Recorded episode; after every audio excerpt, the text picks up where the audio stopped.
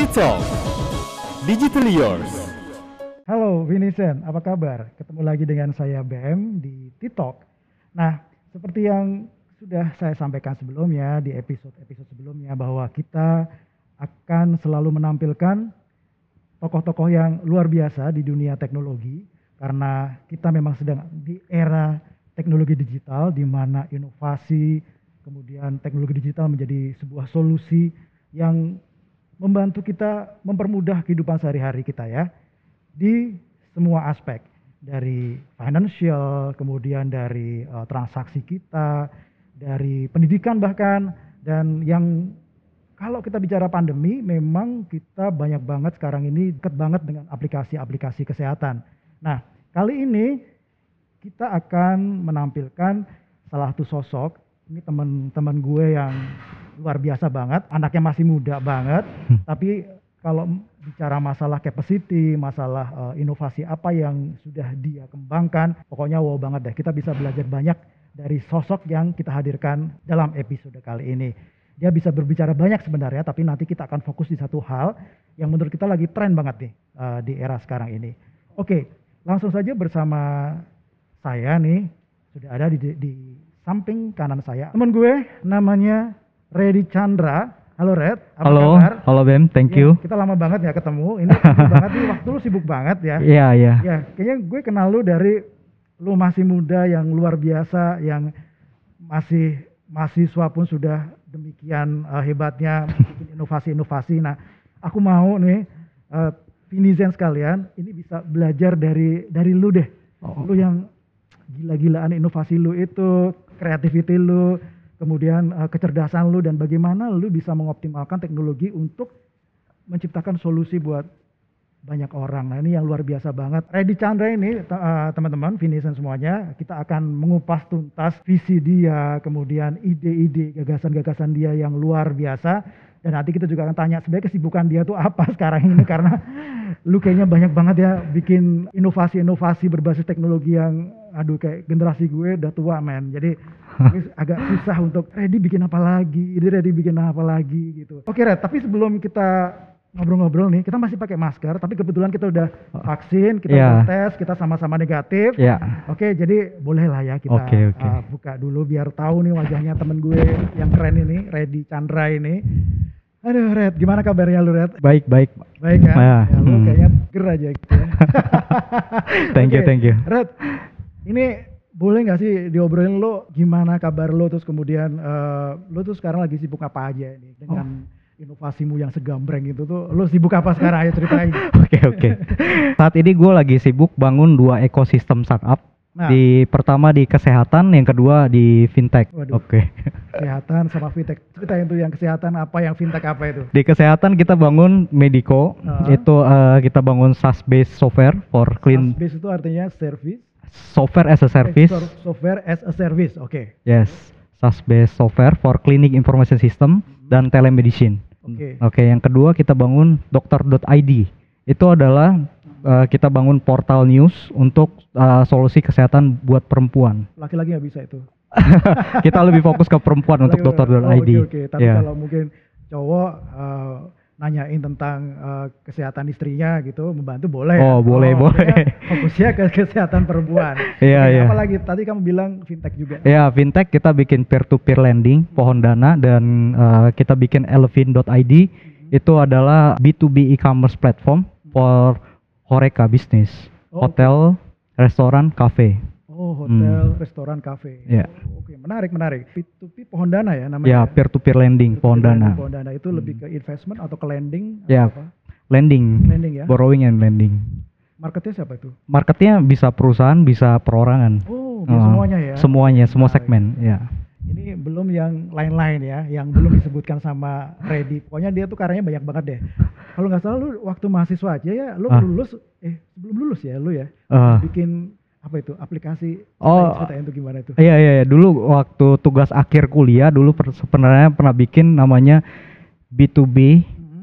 e-commerce in healthcare. Waduh, Padahal biasanya rata-rata kalau anak mahasiswa nih ya, anak mahasiswa, anak-anak muda lah, itu biasanya itu mindsetnya itu ada di consumer ya, maksudnya yang uh, B2C atau B2C gitu ya. Tapi Iya, iya. lu udah kayaknya Ah. udah berapa langkah lebih maju lu ngomongin B2B lagi solusi B2B ini. gue makanya salutnya sama lu itu, yang ya, uh, lu beda gitu dan lu Ah. berapa langkah dan bukan lebih maju sih, lu beda lah gitu Ah. dan menawarkan inovasi-inovasi yang uh, unik gitu menurut saya unik Iya. tapi juga bisa ber- bermanfaat buat uh, orang yang sangat banyak. Ketika Iya. B2B kan artinya juga mereka punya pelanggan juga yang akhirnya bisa terdampak Iya, oleh betul, solusi yang uh, betul. kamu ciptakan. Nah, Betul. Red, uh, memang lu ada di fintech, lu ada di kesehatan gitu ya. Cuman gini, ini kan kita lagi pandemi ya. Ya. Pandemi sudah satu tahun lebih ya, hampir dua tahun gitu ya. Satu hal yang uh, menarik yang muncul ke permukaan selain fintech ya, fintech kan digital payment udahlah uh, semua orang sekarang udah pakai digital payment. Ah. Ada satu hal yang menarik yang sekarang ini menjadi budaya. Sebenarnya ini udah muncul beberapa tahun lalu lah, lu sebagai orang pakarnya di sini lu udah paham. Cuman pandemi ini mempercepat pemahaman terhadap layanan kesehatan berbasis teknologi digital. Nah, lu Iya. kan tadi bilang ada dokter ID, lu bilang ada lu juga apa namanya mengembangkan solusi teknologi di di bidang uh, telemedicine dan Iya. sebagainya tadi. Gue tertarik nih pengen ngobrol-ngobrol sama lu. Vinesen juga biar bisa belajar sama lu gitu. Sesungguhnya kalau kita ngomongin tentang e-health, tentang telemedicine, tentang fenomena yang sekarang ada, itu uh, trennya itu seperti apa sih menurut lu? Menurut gua trennya akan ke digital ya. Kita akan terus ke digital ke depannya dan telemedicine buat buat gua itu nggak akan stop di sini. Hmm, After pandemik ini usai pun bakalan terus ke depan. Jadi menurut gua eh, telemedicine ini dengan adanya dengan adanya pandemik ini adopsi dari telemedicine tuh dipercepat. hmm, ya bener ya. Iya. Karena gue, ju- gue juga loh, gue tuh uh, kemarin apalagi waktu naik-naiknya itu, Iya. itu banyak banget teman-teman yang di rumah sakit, maksudnya di rumah sedang sakit, kemudian yang antara butuh oksigen, terus obat-obatan juga langka banget. Nggak- yang paling penting adalah kita nggak tahu obatnya apa saja. Nah itu aku memanfaatkan juga itu untuk membantu teman-teman, membantu orang tua yang kebetulan keluarga yang mungkin eh, terinfeksi gitu. Iya, iya, Jadi nanya-nanya banyak lah gitu. Nah kalau terkait dengan solusi yang lu kembangkan tadi, kamu boleh cerita nggak sih tadi kamu bilang ada Medico. Oh, oh yang Ah, Medico ya. Medico, iya, iya. Nah, Ceritain deh, Medico ini eh, apa ini gitu.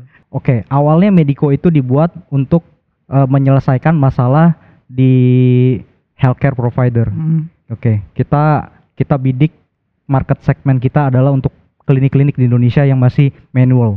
Jadi kalau kita lihat pada saat itu kita melihat satu problem di healthcare provider di area klinik, mereka dalam mengoperasikan kliniknya itu masih banyak yang manual, Hmm. masih menggunakan paper base. Ya, ya, Ya, dari mulai pendaftaran, medical recordnya masih pakai kertas semua. Dan kita melihat sangat banyak klinik-klinik ini di Indonesia.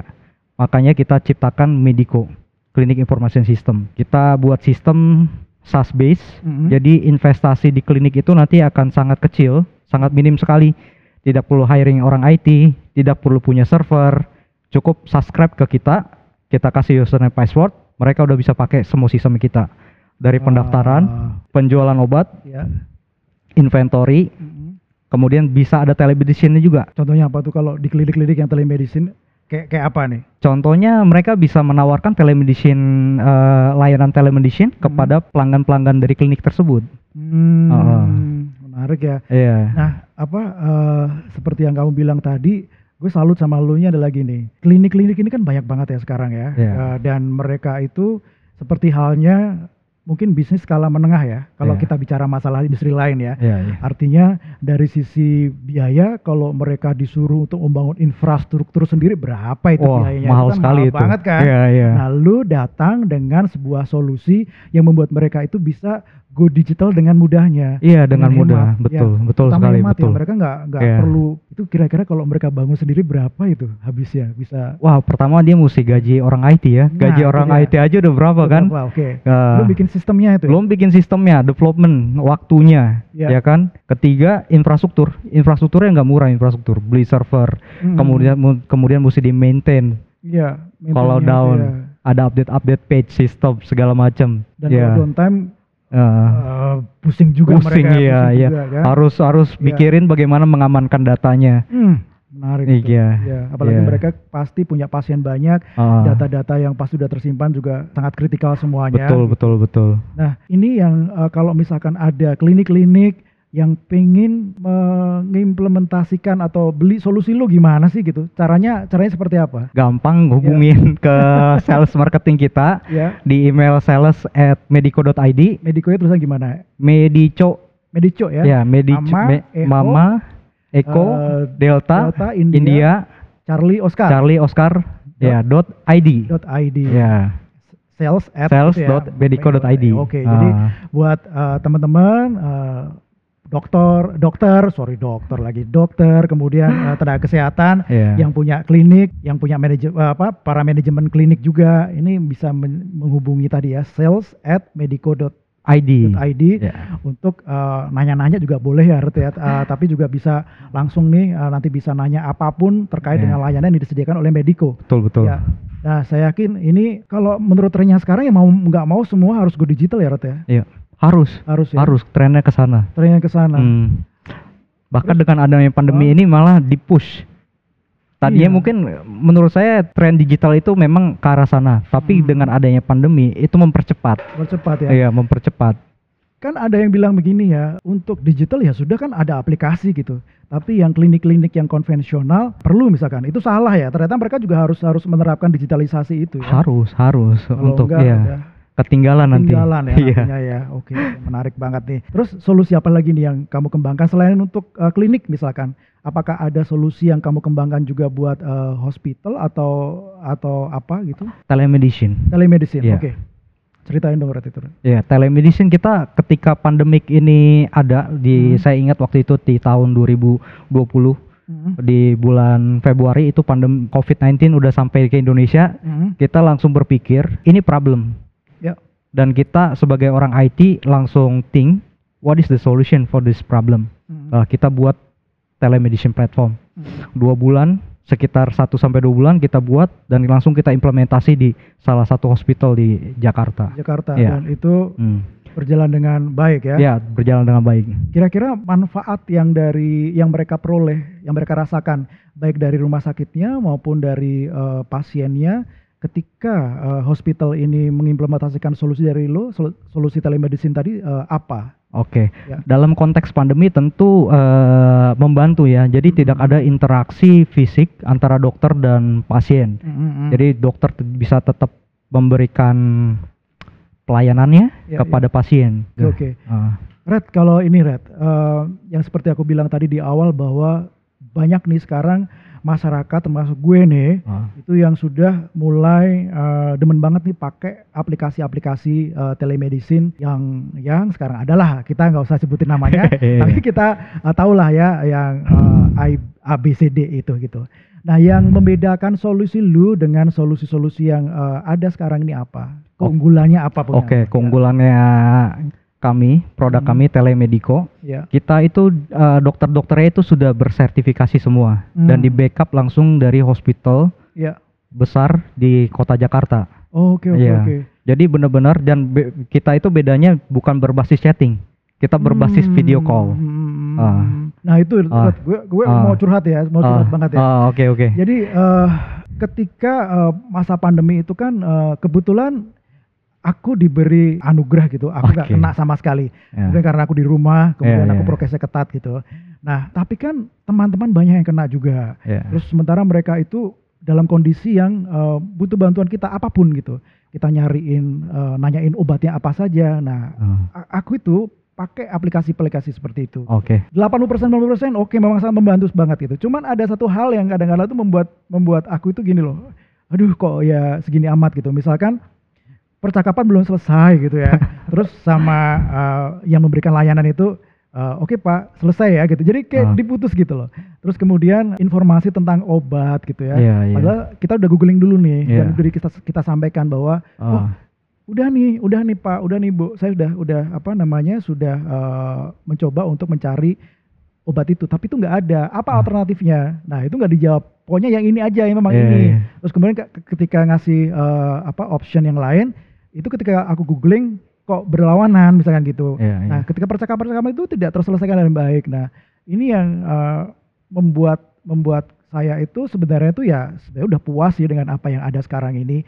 Cuman kalau dari lu sendiri dengan solusi lu tadi eh, telemedico ya. Ya, telemedico Itu namanya. telemedico, ya, itu persoalan-persoalan yang seperti saya hadapi ini eh, terjawab tidak sih?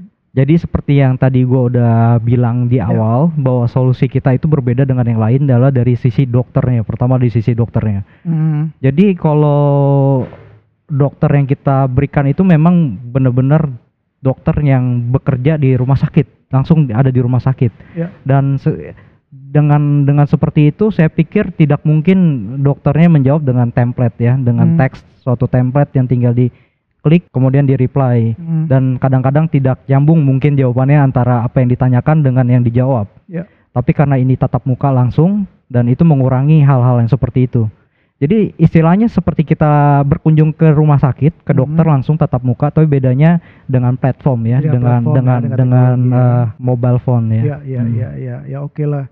Hmm. Itu mem- melegakan gitu. Iya. Gue udah puas, sebenarnya udah puas Hmm, dengan apa iya. yang sekarang ini ada gitu dan itu sangat membantu juga gitu. Walaupun yang tadi yang cuman saya harap itu bisa diperbaiki lah gitu. Iya kan. iya iya. Itu ya tadi apa mem- memutus pihak misalkan gitu. Nah, iya. rasanya Iya, video iya. belum selesai kenapa Belum ditulis selesai ya? kenapa udah di close ya? iya, iya betul betul betul. Iya iya Nah, iya. ada cerita menarik lagi, eh, Red, dari telemedicine yang ingin kamu ceritakan kepada Vinizen ya. Kita panggilnya Vinizen. Oke, ini. Ya, Vinizen ya. Ya. Ya. Jadi gue pikir ke depan ini tren telemedicine ini nggak akan berhenti setelah pandemik ini Hmm. usai. Menurut gua ke depan ini telemedicine ini akan terus ada Terus gitu, ada ya, terus oke. dipakai untuk kebutuhan masyarakat. Mm, mm, mm. Nah setelah pandemik usai ini menurut gua trennya itu akan menjadi preventif kesehatan. Kalau kemarin masih kuratif, Kuratif ya. Oke, oke. Kemarin tuh kuratif. Jadi kalau sakit dulu baru kita berobat. Hmm. Tapi nanti ke depan itu orang udah lebih aware dengan Hmm. kesehatan. Jadi lebih menjaga kesehatan. Hmm. Kalau ke dokter itu bukannya gue sakit, Mm, mm, mm. gimana gue mencegah sakit Iya iya iya. gitu. iya. Preventif lebih ke preventif, meningkatkan eh, taraf hidup ya, kesehatan, kemudian juga efisiensi. Jadi eh, pengguna telemedicine itu eh, nanti misalkan untuk second opinion ya, Hmm. second opinion. Kemudian juga kalau masih gejala-gejala ringan itu masih bisa pakai telemedicine. Atau misalkan gini ya, kalau misalkan eh, kita ini kan di Indonesia ini kan luas banget ya, luas Iya. banget. Kesehatan sudah merata di mana-mana sudah ada gitu. Tapi kadang-kala seperti yang lo bilang tadi, Iya. kita butuh opini kedua lah gitu, opini Iya, iya. lain gitu. Barangkali mungkin ada saudara-saudara kita yang ada di Kalimantan, pengen, eh gue pengen langsung nih ngobrol sama dokter yang di Jakarta misalkan. Iya. Atau dari sebaliknya mungkin eh, dari pihak dokter-dokternya sendiri bisa memanfaatkan teknologi untuk bisa memberikan layanan kepada masyarakat yang lebih luas gitu. Kira- Iya. Kira-kira seperti itu kali Red. ya? Iya, betul betul. Iya iya. Dan itu trennya nanti akan ke sana juga. Akan ke sana pastinya. Hmm. Akan akan ke sana. Jadi ada kemungkinan juga eh, kalau misalkan ini teknologi ini bisa memungkinkan atau bisa eh, yang memampukan orang untuk mendapatkan layanan dengan akses yang sangat luas. Kalau dari sisi eh, tadi cakupan layanan, jadi mungkin orang Indonesia, dokter Indonesia juga bisa melayani eh, pasien dari luar negeri Oh misalnya gitu bisa ya. bisa sekali dengan telemedicine eh, sudah tidak ada wilayah geografi lagi yang bisa menjadi batas. Hmm. Jadi sudah menggunakan platform internet. Oh, oh, oh. eh, bahkan eh, misalkan kita ingin tadi kan misalkan ada saudara atau teman kita ada di luar pulau ya, Iya, ada iya, misalkan di suatu pulau yang yang bukan di Pulau Jawa Mhm. ingin berkonsultasi dengan dokter yang ada di Jakarta itu sangat memungkinkan sekali dengan dengan adanya eh, telemedicine ini ya. Oke. Eh, Kalau menurut seorang Ready nih, ya. eh, quality dari rata-rata eh, telemedicine yang ada sekarang di Indonesia itu sudah di level mana gitu? Apakah eh, sudah memang sudah baik dan tinggal ditingkatkan atau eh, masih ada challenge-challenge yang menurut Ready itu harus di harus segera diantisipasi nih. Ini apa ini harus segera diselesaikan ini? Iya ya, menurut saya pertama di sisi security ya, kita harus Oke. ada ada concern juga di security. Karena itu Mungkin- ada data-data pas. Iya ada ada Oh. data-data pasien ini security menjadi sangat concern. Kedua itu adalah eh, challenge-nya adalah untuk mengcapture vital sign dari pasien. Apa itu vital sign itu apa aja? Vital sign bisa detak jantung, Mm-mm. bisa temperatur, Mhm. kemudian bisa darah, cek Mm. cek darah. Mhm. Ya, contohnya tadi misalkan ada di luar pulau di Hmm. eh, Kalimantan atau di di mana ingin eh, pasien yang ada di luar pulau ingin berkonsultasi dengan dokter yang di Jakarta. Mhm. Nah, dokter di Jakarta kan tidak bisa mengakses fisik tubuh dari Iya ya. pasien, ya kan? Benar ya? Iya benar-benar. Ya, jadi diperlukan eh, suatu IoT saya pikir. Hmm. Ya, IoT untuk eh, bisa wearable, ya bisa berupa jam tangan, bisa berupa device yang saya bawa saat ini. Eh apa Ah, itu? ini, baterai eh, laptop, bukan ya? Bukan. Coba ceritakan itu Iya. apa ini? ini eh, device untuk mengetes darah kita. Oh, oke, Eh, oke, darah iya. kita ini untuk eh, pasien diabetes. Untuk Oh, pasien oke, diabetes. oke. Heeh. Jadi itu nanti ketika dipakai kemudian akan terhubung dengan cloud gitu atau Iya, bagaimana? iya betul betul. Jadi ini eh, device IoT untuk eh, mengecek darah pasien diabetes. Hmm. Ya, Eh, pasien ini ketika menggunakan alat ini ya, Hmm. jadi nanti eh, tangannya dibersihkan alkohol, Ya. kemudian nanti jarumnya kita masukkan ke sini, Hmm. kemudian nanti ada ada ini Itu yang darah itu berupa ya buat mengetes darah, ya? Oke. dimasukkan ke sini, Hmm. darah hasil ininya kita taruh di sini, Heeh. nanti hasilnya akan otomatis terdisplay di sini. Hasil dari eh, kandungan darahnya, gula gula darahnya. Dan ini akan otomatis langsung ke cloud, ke atas, Hmm. kemudian langsung masuk ke aplikasinya si pasien dan juga ke Hmm. dokternya.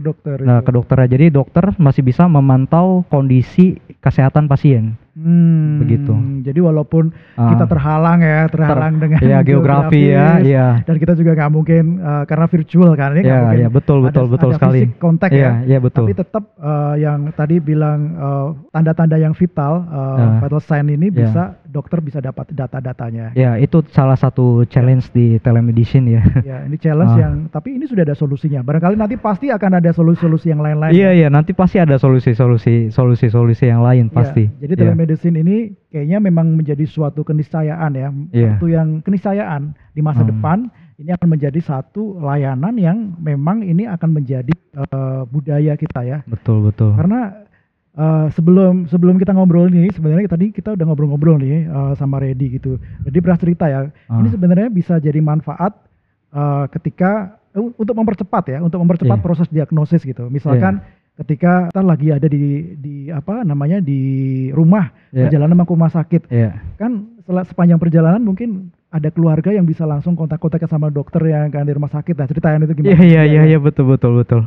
Jadi pengguna telemedicine itu bisa juga buat keadaan yang eh, urgent, yang ketika urgent, darurat urgent, gitu ya, iya. ya darurat gitu. Ya. Ketika terjadi darurat kan butuh transportasi ya dari Hmm. satu titik ke titik lain itu kan eh, cukup lama. betul nah, betul itu di peran telemedicine itu membantu. Saya pikir di situ. Hmm. Mungkin keluarganya bisa langsung eh, appointment dengan dengan dokter di rumah sakit dan langsung bisa live kan Iya. dengan dengan video call dengan menggunakan HP.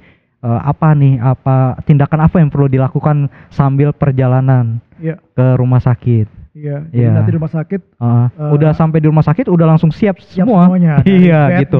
Bednya segala macam ya, udah langsung nggak ada cerita lagi nunggu-nunggu. enggak enggak ada enggak ada gitu ya. langsung datang langsung ditanganin ke rumah Kemudian sakit. juga ada yang Hmm. ini ya, yang tanda-tanda kritikalnya misalkan Ah. keluhannya apa-apa udah paling nggak dokter udah punya udah udah punya iya ya. betul betul Iya, iya, sekali iya. betul betul. Menarik, menarik, menarik. Hmm, iya. Jadi teknologi uh, Vincent sekali lagi bahwa teknologi ini eh, memang berkah ya buat kita ya. Hmm. Sep- Seperti yang solusi yang diciptakan oleh Reddy ini memang eh, luar biasa. Jadi telemedicine ini menjadi sebuah keniscayaan di masa depan dan ini saya rasa akan menjadi budaya yang nggak usah nunggu 10 tahun lagi. Mungkin tahun-tahun depan sudah mulai Iya udah sudah cepat ya. sudah mulai mempercepat saya pikir Iya, karena iya, generasi benar-benar. muda juga lebih fasih teknologi ya. iya saya pikir iya. ke depan pasti eh, semua bidang ya healthcare juga itu harus go digital semuanya. Iya, aku Hmm. rasa juga demikian nih. Iya. Nah, eh, satu lagi nih, eh, Red. Kalau bicara tadi kamu bilang salah satu challenge-nya itu adalah eh, masalah security ya. Iya security. Kalau kita di fintech eh, kan ada tuh kayak e KYC gitu ya, Ah, iya, iya. di mana ada Hmm. konektivitas dari industri dengan dukcapil gitu. Ya. Jadi nanti dukcapil ya akan eh, verify ini ini oh iya atau tidak gitu. Nah, ini kan sebenarnya eh, berimplikasi pada perlindungan data Betul. kita sering lah dengar eh, ada perusahaan ini datanya bocor, Iya, padahal iya, iya. itu ada data-data penting dari no- Iya, eh, iya. nomor induk apa sih NIK sama Iya. apa, eh, handphone dan sebagainya lah pokoknya data-data Iya, yang iya. kritikal semua ada di situ dan itu bocor gitu. Nah kita bicara masalah e-health, kita bicara masalah eh, telemedicine di mana para pasien ini eh, kasih data-data kan, kasih data-data ke pihak rumah sakitnya atau ke penyedia layanan. Iya, nah, iya. security menjadi satu hal yang barangkali perlu diyakinkan nih kepada semua pemangku kepentingan, semua stakeholder, semua ekosistem bahwa security ini bisa secure, bisa aman asalkan begini gitu. Nah, begininya itu apa? Menurut kamu apa? Eh, dalam konteks telemedicine, Ya. saya pikir konteksnya itu pertama ya. Mm-mm. Pertama begini, kalau saya cerita problemnya dulu ya. Oke, Perhati- oke. Sebelum sem- saya menjawab tentang security, saya ingin menjawab problem yang ada di healthcare ini ya. Di itu adalah medical record, Medical medical record, record, oke. ya, medical record. Saat ini medical record itu kalau kita ke rumah sakit satu, ke rumah Mhm. sakit yang lain, medical record kita kan tidak menjadi satu ya. Ya, Kita harus ngulang lagi Sendiri-sendiri ya, sendiri-sendiri. sendiri-sendiri, Iya, ya. sendiri-sendiri. Kita udah tes darah di rumah sakit A, kemudian minggu depan kita ke rumah sakit B, tes darah lagi. kadang-kadang suka diminta, iya, Iya, tes iya. lagi. Terus juga kita mau lihat kronologis penyakit kita yang beberapa tahun lalu juga nggak ada kan. Hmm, Apalagi kalau kita pindah domisili, ya. ya kan lebih lebih susah mengaksesnya. Hmm. Nah, seperti itu. Jadi pertama problem ini. Kedua tadi yang Bapak bilang juga betul. eh, data kesehatan ini kan sangat penting, eh, sangat privacy Ya. dan nggak boleh bocor.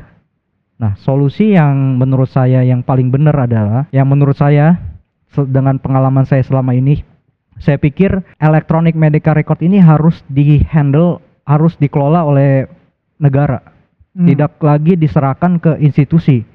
Jadi harus single ID. Hmm.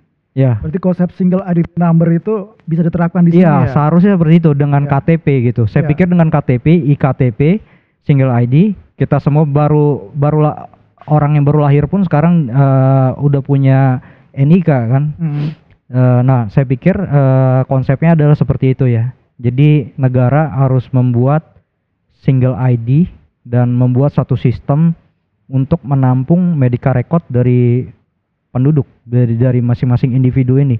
Jadi kita nanti mau ke mana aja, saya kita ke pulau mana aja, ke kota mana aja, data kita ya ngikut terus seperti itu. Saya pikir ke depan harus seperti itu ya. Iya. Jadi ya. security untuk pengembangan data itu harus dikelola oleh negara. Menurut saya semakin banyak tangan lain yang mengelola itu celah-celahnya makin banyak. Hmm, jadi Iya. semakin banyak dikelo pengelolanya, Iya. malah kerentanannya semakin tinggi. Iya, kerentanan Oh. datanya semakin bocor data Iya. itu semakin tinggi menurut Iya, saya iya, seperti betul, betul. itu. Tapi memang Heeh. eh, ini memang sebaiknya ada satu eh, lembaga eh, pemerintah misalkan Iya, ya, pemerintah. yang mem- memang yang harus berwenang untuk mengelola ini saja ya. Iya, betul sekali. Harus Masalah nanti inputnya ada di rumah sakit A, rumah sakit B, rumah Iya, sakit C iya. nggak apa-apa, tapi nggak nanti apa-apa ya. store-nya maksudnya apa? Storage-nya. Iya, store-store datanya ada Oh, di oke. satu centralize yang dikelola oleh negara. Hmm. Ya, jadi rumah sakit mana pun Iya. di seluruh Indonesia sudah harus go digital. Jadi tidak klinik pun yang tadi kita bahas Iya, di iya, pertama iya. kali yang masih manual harus convert ke digital. Hmm. Kemudian medical record disimpan ke satu tempat yang tadi kita sebut itu yang dikelola Iya. oleh negara.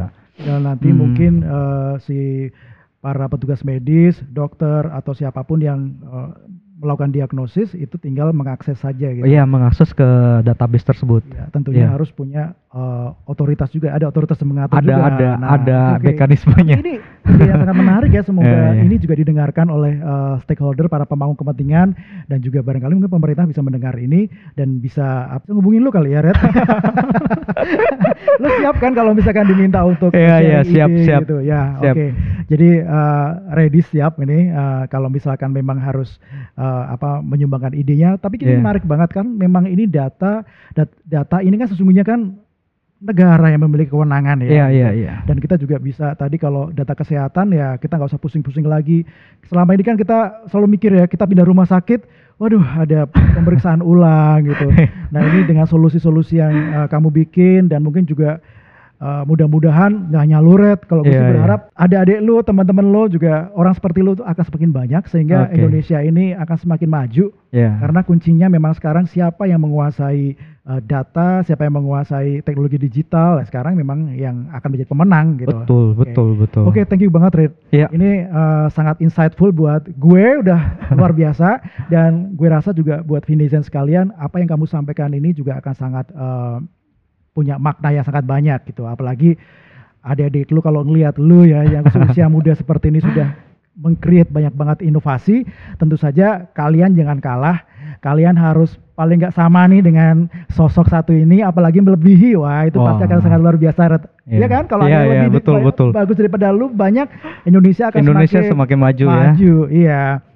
Jadi eh, demikian Vinizen kita ngobrol tentang telemedicine. Kita tadi juga udah banyak pencerahan nih dari eh, Reddy tentang eh, manfaat telemedicine dan kata dia sih. Tapi ini juga saya meyakini sih bahwa sekarang ini kita memang sudah te- mempercepat ya adopsi dari eh, telemedicine dan nggak lama lagi ini pasti akan menjadi budaya kita dalam me- apa melakukan prevensi ya terhadap kesehatan kita Preventif ya. preventif, Preventif. upaya-upaya preventif, tidak lagi kuratif lagi. Iya. Walaupun nanti telemedicine juga pasti dipakai untuk kuratif juga. Tapi Iya. apa pun ini adalah sesuatu tren yang perlu kita syukuri dan harus kita dukung bersama dan ingat bahwa em, kita apabila kita ingin menang maka kita harus menguasai sesuatu yang memang sekarang lagi, lagi tren dan sedang dibutuhkan. Salah satunya adalah teknologi digital saya berharap bahwa apa yang eh, saya diskusikan dengan rekan saya Reddy akan menjadi inspirasi buat Vinizen semuanya dan semoga semuanya juga terpacu untuk berinovasi seperti Reddy Chandra. Oke Vinizen, sampai di sini dulu dan seperti yang saya selalu sampaikan, jika ada narasumber yang ingin eh, kita wawancarai, oke infoin aja di kolom komentar. Kita akan menghubungi beliau dan berusaha sebaik mungkin untuk mendapat untuk dapat menginterview eh, mereka. Sampai bertemu lagi di TikTok episode mendatang dan salam sehat selalu. Oke, Salam bye. Thank you Red. Ya, thank you. TikTok. Digitally yours.